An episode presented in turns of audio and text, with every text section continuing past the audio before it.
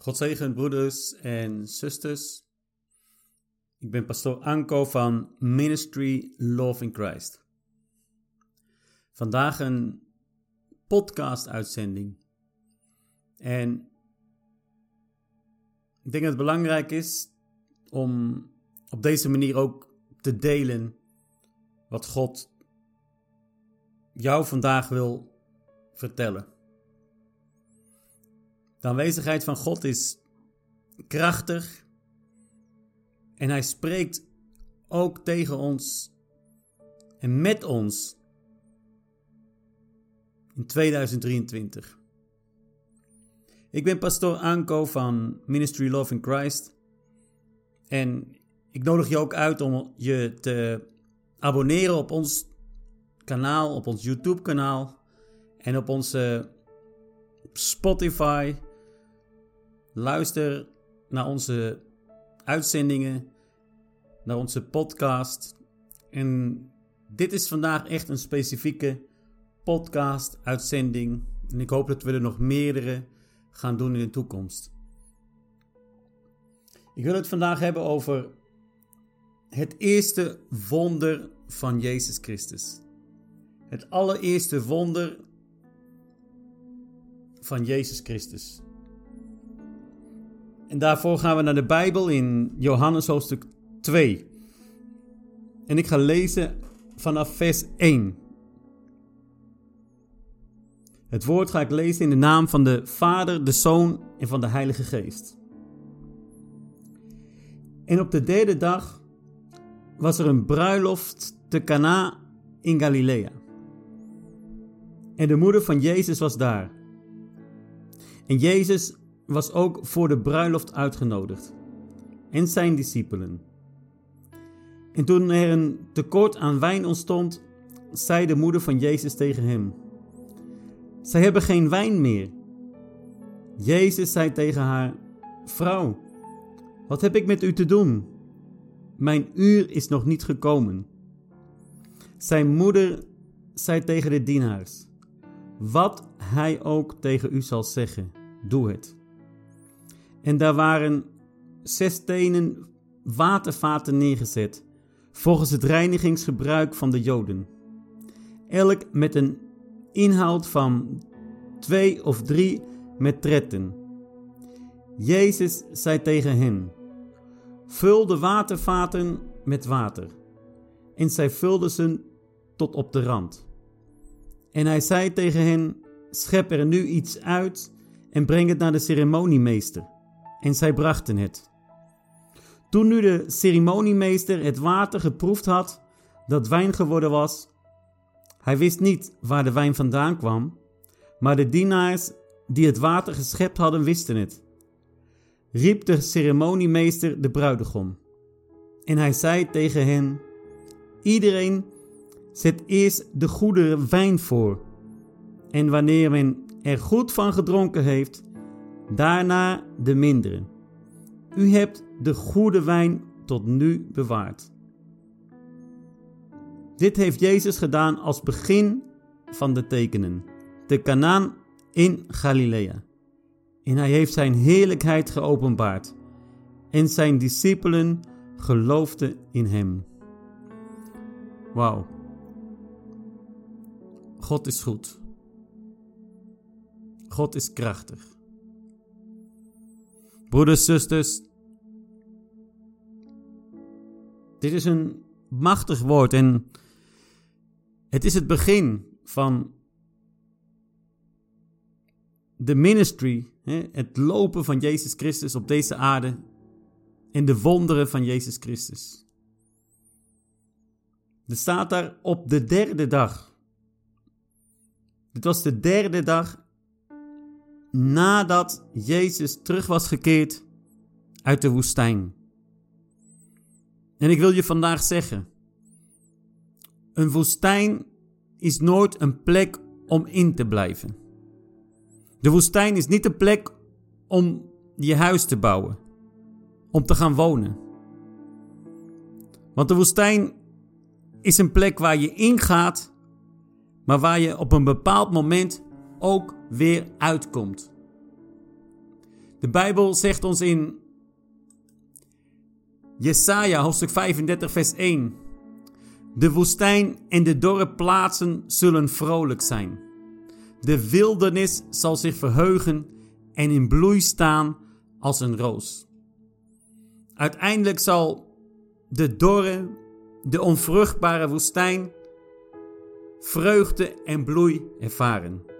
Uiteindelijk zal je uit de woestijn komen. Jezus ging de woestijn in. Maar hij kwam eruit na 40 dagen in de kracht van de Heilige Geest. En we zien hier, op de derde dag was er een bruiloft te Cana in Galilea. En de moeder van Jezus was daar. En Jezus was ook voor de bruiloft uitgenodigd. En ik wil jou vragen: nodig jij Jezus ook uit? Voor welke belangrijke bijeenkomst ook? Nodig je Jezus, uit bij een bijeenkomst van de familie? Nodig je Jezus uit op je bruiloft? Nodig je Jezus uit op de eerste dag van je werk? Nodig je Jezus uit om samen met Hem naar een interview te gaan? Nodig je Jezus, Jezus uit om samen met jou naar de dokter te gaan? Broeders en zusters, het is heel belangrijk dat wij Jezus uitnodigen in ons leven, in onze wandel, waar we ook gaan en wat we ook doen. Dat we Hem uitnodigen en Hem vragen om bij ons te zijn en met ons te zijn. Jezus was ook voor de bruiloft uitgenodigd en zijn discipelen. Die discipelen waren waarschijnlijk nog niet de twaalf. Op dat moment waren er nog discipelen die nog uitgenodigd moesten worden. Maar waar Jezus ging, nam hij ook zijn leerlingen mee. En waar Jezus gaat, ben jij ook uitgenodigd. Ga daarom met Jezus mee waar hij ook gaat. En ze waren op die bruiloft en er staat in het woord dat er een tekort aan wijn ontstond. Er was een tekort aan wijn. In het Grieks staat oinos.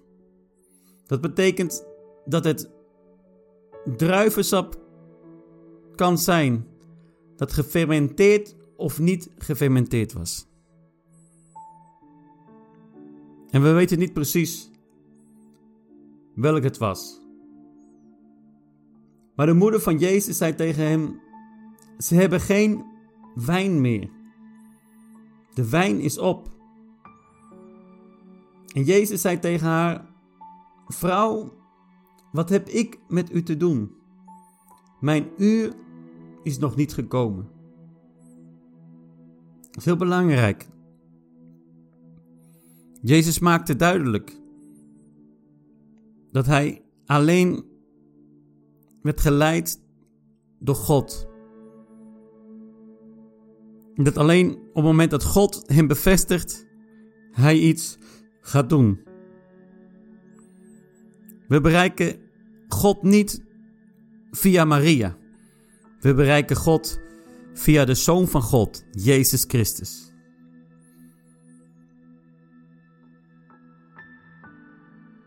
En zijn moeder zei tegen de dienaars: Wat hij ook tegen u zal zeggen, doe het. Het zijn de laatste woorden van Maria in de Bijbel. Daarna is het alleen maar Jezus die spreekt. En er staat in het woord: Er waren daar zes stenen watervaten neergezet. volgens het reinigingsgebruik van de Joden. Elk met een inhoud van twee of drie metretten. We hebben het daarover een inhoud van 68 tot 102 liter. 68 of 102 liter. Dus dat is niet een klein beetje water. Dat is niet een klein beetje wat in die watervaten was. Het waren grote watervaten met een inhoud van 68 liter en met 102 liter.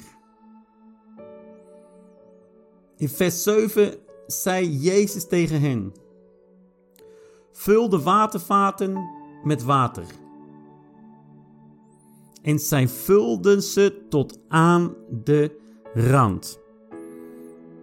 En hier wil ik even stoppen.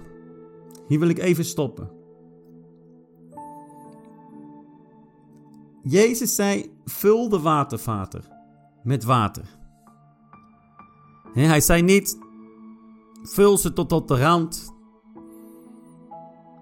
En ik kan me voorstellen dat die dienaars ook dachten: van ja, het is mooi, maar al die watervaten en ook nog één voor één vullen met water. Dus een hoop werk. 68 liter water, 102 liter water. Moet ik dat nou allemaal doen? Maar zij vulden die watervaten niet tot de helft. Ze vulden de watervaten niet tot 80%. Ze vulden de watervaten tot aan de rand. Ze vulden ze compleet, volledig. Wat is jouw antwoord als Jezus jou wat vraagt? Vul jij het ook op tot de rand? Of blijf je steken op de helft?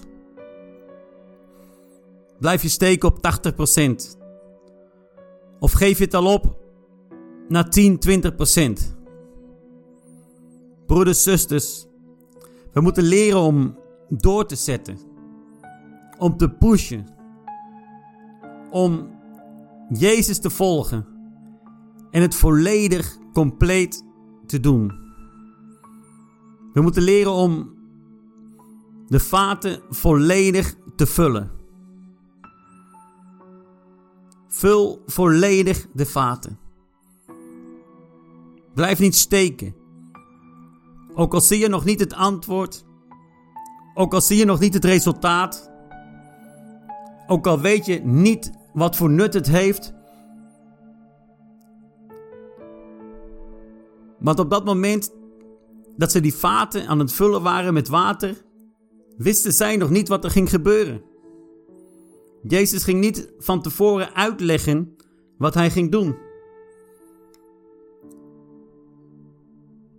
Heel vaak weten we niet precies hoe op welke manier God iets gaat doen in ons leven. God geeft ons niet een instructie met daarbij ook alle andere stappen die Hij doet. De dingen die wij niet zien. Geloof in God is als een zwarte doos. Er komt wat in Daarna gaat er iets gebeuren en er komt een resultaat uit. Wat er in het midden gebeurt, in het proces daar binnenin, waar God bezig is. We zien niet precies wat daar gebeurt, hoe het gebeurt. Wij zien alleen het beeld van die mannen die de vaten gingen vullen.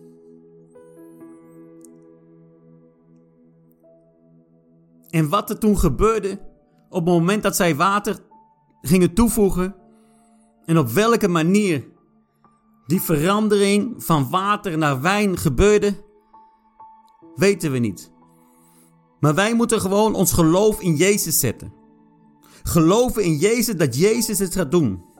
Geloven dat Jezus het wonder gaat doen.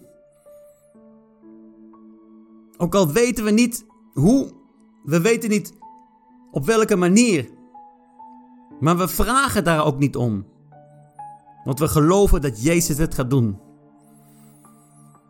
Het probleem in deze moderne tijd, met alle technologie, met alle kennis, is dat we niet alleen het resultaat willen zien, maar ook willen weten hoe het is gebeurd, hoe het is gedaan. Nee, broeders en zusters. Laten we ons vertrouwen in God stellen. Laten we niet voor elk wonder een logische uitleg zoeken. Voor iedere genezing een verklaring zoeken. Voor iedere wonderlijke omstandigheid, gebeurtenis, een verklaring proberen te vinden. Dat is vaak het grote probleem. We willen alles verklaren met menselijke logica. We willen het allemaal logisch kunnen verklaren. Maar er zijn dingen die niet logisch zijn. Er zijn dingen die we gewoon in de handen van de Heer moeten leggen. En ik vind het mooi dat deze dienaren de watervaten vulden tot aan de rand. En hij zei tegen hen, nadat ze gevuld waren tot aan de rand, schep er nu iets uit en breng het naar de ceremoniemeester. En zij brachten het. Hij zei niet, pak een glas en haal de wijn eruit. Kijk eens wat hij zegt. Hij zegt: schep er nu iets uit. Dus hij zei nog steeds niet wat ze eruit gingen scheppen. Ze zeiden alleen maar: schep er iets uit en breng het naar de ceremoniemeester. Dit lijkt een beetje op het verhaal van de tien kreupelen die Jezus verwees dat ze hun lepra moesten laten zien.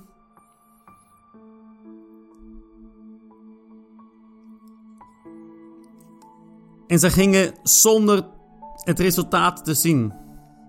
En zo moeten wij ook er iets uitscheppen. Pak het zonder te weten wat het is. Ze schepte het eruit. Ja, misschien zagen ze wel dat het rood was. Misschien zagen ze wel dat het op wijn leek. Maar ze gingen er niet van proeven. Ze proefden er niet van. Ze vertrouwden op Jezus dat wat hij zei ging gebeuren. Hij zei: Schep er nu iets uit en breng het naar de ceremoniemeester. En zij brachten het. Wauw. Toen nu de ceremoniemeester het water geproefd had dat wijn geworden was. En er staat er, riep de ceremoniemeester de bruidegom. Er staat in het midden van deze tekst van dit Bijbelvers.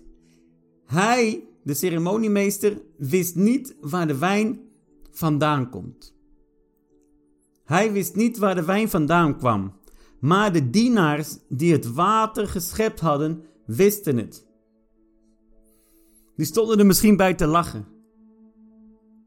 En ik vraag jou, op dit moment? Waar komt jouw wijn vandaan? Waar komt jouw geloof vandaan? Komt jouw geloof uit het woord van Jezus Christus? Of komt jouw geloof uit menselijke kennis? Shukomakina kama sakai. Waar komt jouw geloof vandaan? Waar komt jouw wijn vandaan? Waar komt de wijn vandaan in jouw leven? Yikama shakai. Heb jij geloofd in het woord van Jezus Christus en zeg je, ook al weet ik nog niet of het wijn is, maar ik breng het naar de ceremoniemeester. En laat hem bevestigen wat het is. Ik geloof de genezing uitgesproken over mijn leven. En ook al voel ik het misschien nog niet, maar ik ga me laten zien aan de dokter, aan mijn huisarts. Want ik geloof dat ik ben genezen. Wauw. Ik ga me laten zien en ik ga naar de bank, want ik geloof dat ik schulden vrij ben. Ik geloof dat mijn probleem is opgelost. Ik ga mijn cv opsturen, want ik weet dat die baan van mij is.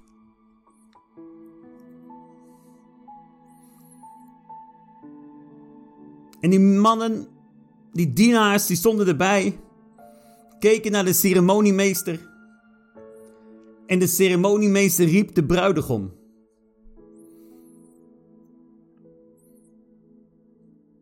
Wat zou er gebeuren? Zal de ceremoniemeester boos zijn op de dienaars? Zal die boos zijn op die man die daar kwam?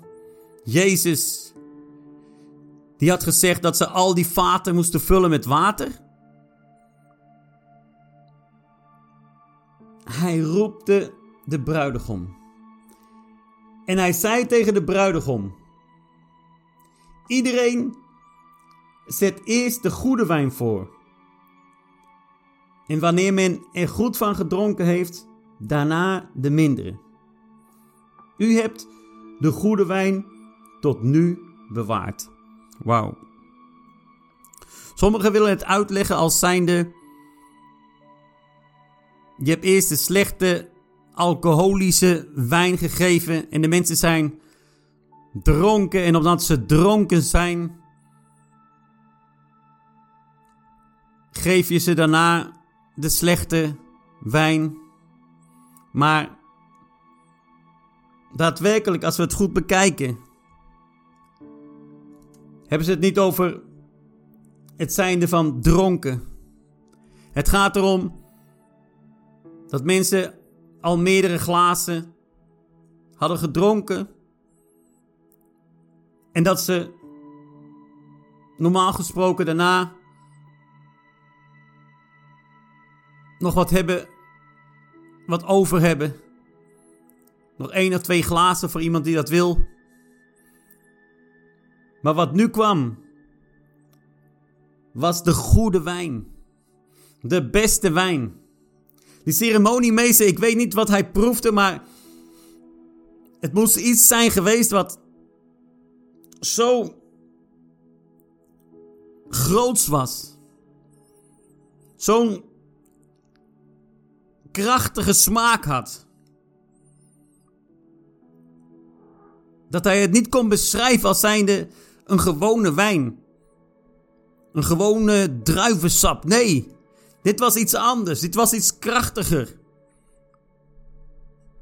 Want als Jezus wat verandert, als God wat maakt, is het meer dan genoeg. Wat God maakt, is altijd beter, is altijd anders. De eerste wijn die ze dronken was een wijn gemaakt door de mens. Gebruikmakend van wat God levert. De druiven, Die worden in de pers gestopt. Het sap komt eruit. Wat zijn allemaal handelingen van de mens. Maar hier hebben we, over, hebben het over water. Water wat schoon was. Water wat puur was. En het water veranderde in wijn.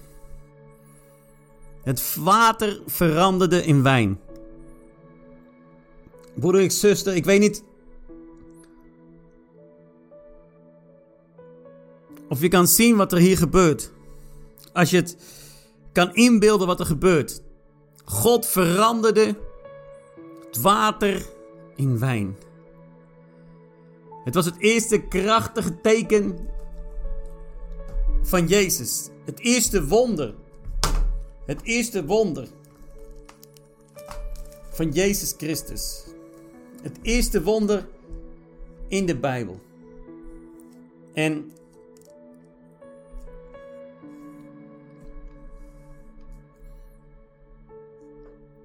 het geloof van de discipelen werd daardoor groter. Ze zagen de glorie van God wanneer hij het water in wijn veranderde.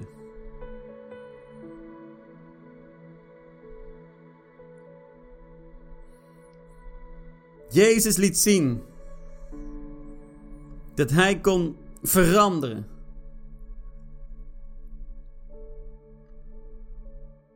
Dat hij dingen kon veranderen, anders maken. Niemand kan zonder een chemisch proces iets veranderen. Het is onmogelijk om van water wijn te maken. Dat is onmogelijk. En natuurlijk, we hebben ranja. En met een beetje ranja maak je een sapje. Maar dat is geen wijn. Broeder, zuster. Jezus deed een wonder. En het eerste wonder van Jezus was geen genezing. Het eerste wonder van Jezus was geen bevrijding. Het eerste wonder van Jezus was het veranderen van water in wijn. Van water in wijn. Het was het eerste wonder. En daarna kwamen er nog vele, vele meer. Ik nodig je uit om deze serie, waar we mee beginnen nu, volledige serie over alle wonderen van Jezus Christus. Om deze te volgen en te luisteren. God is goed, broeders. En God is goed, zusters. Dank jullie allemaal voor het luisteren van de Love in Christ podcast. Amen en amen.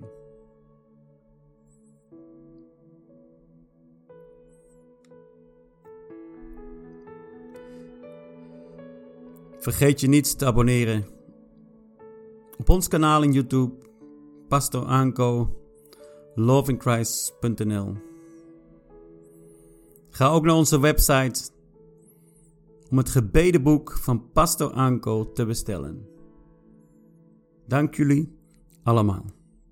Amen en amen.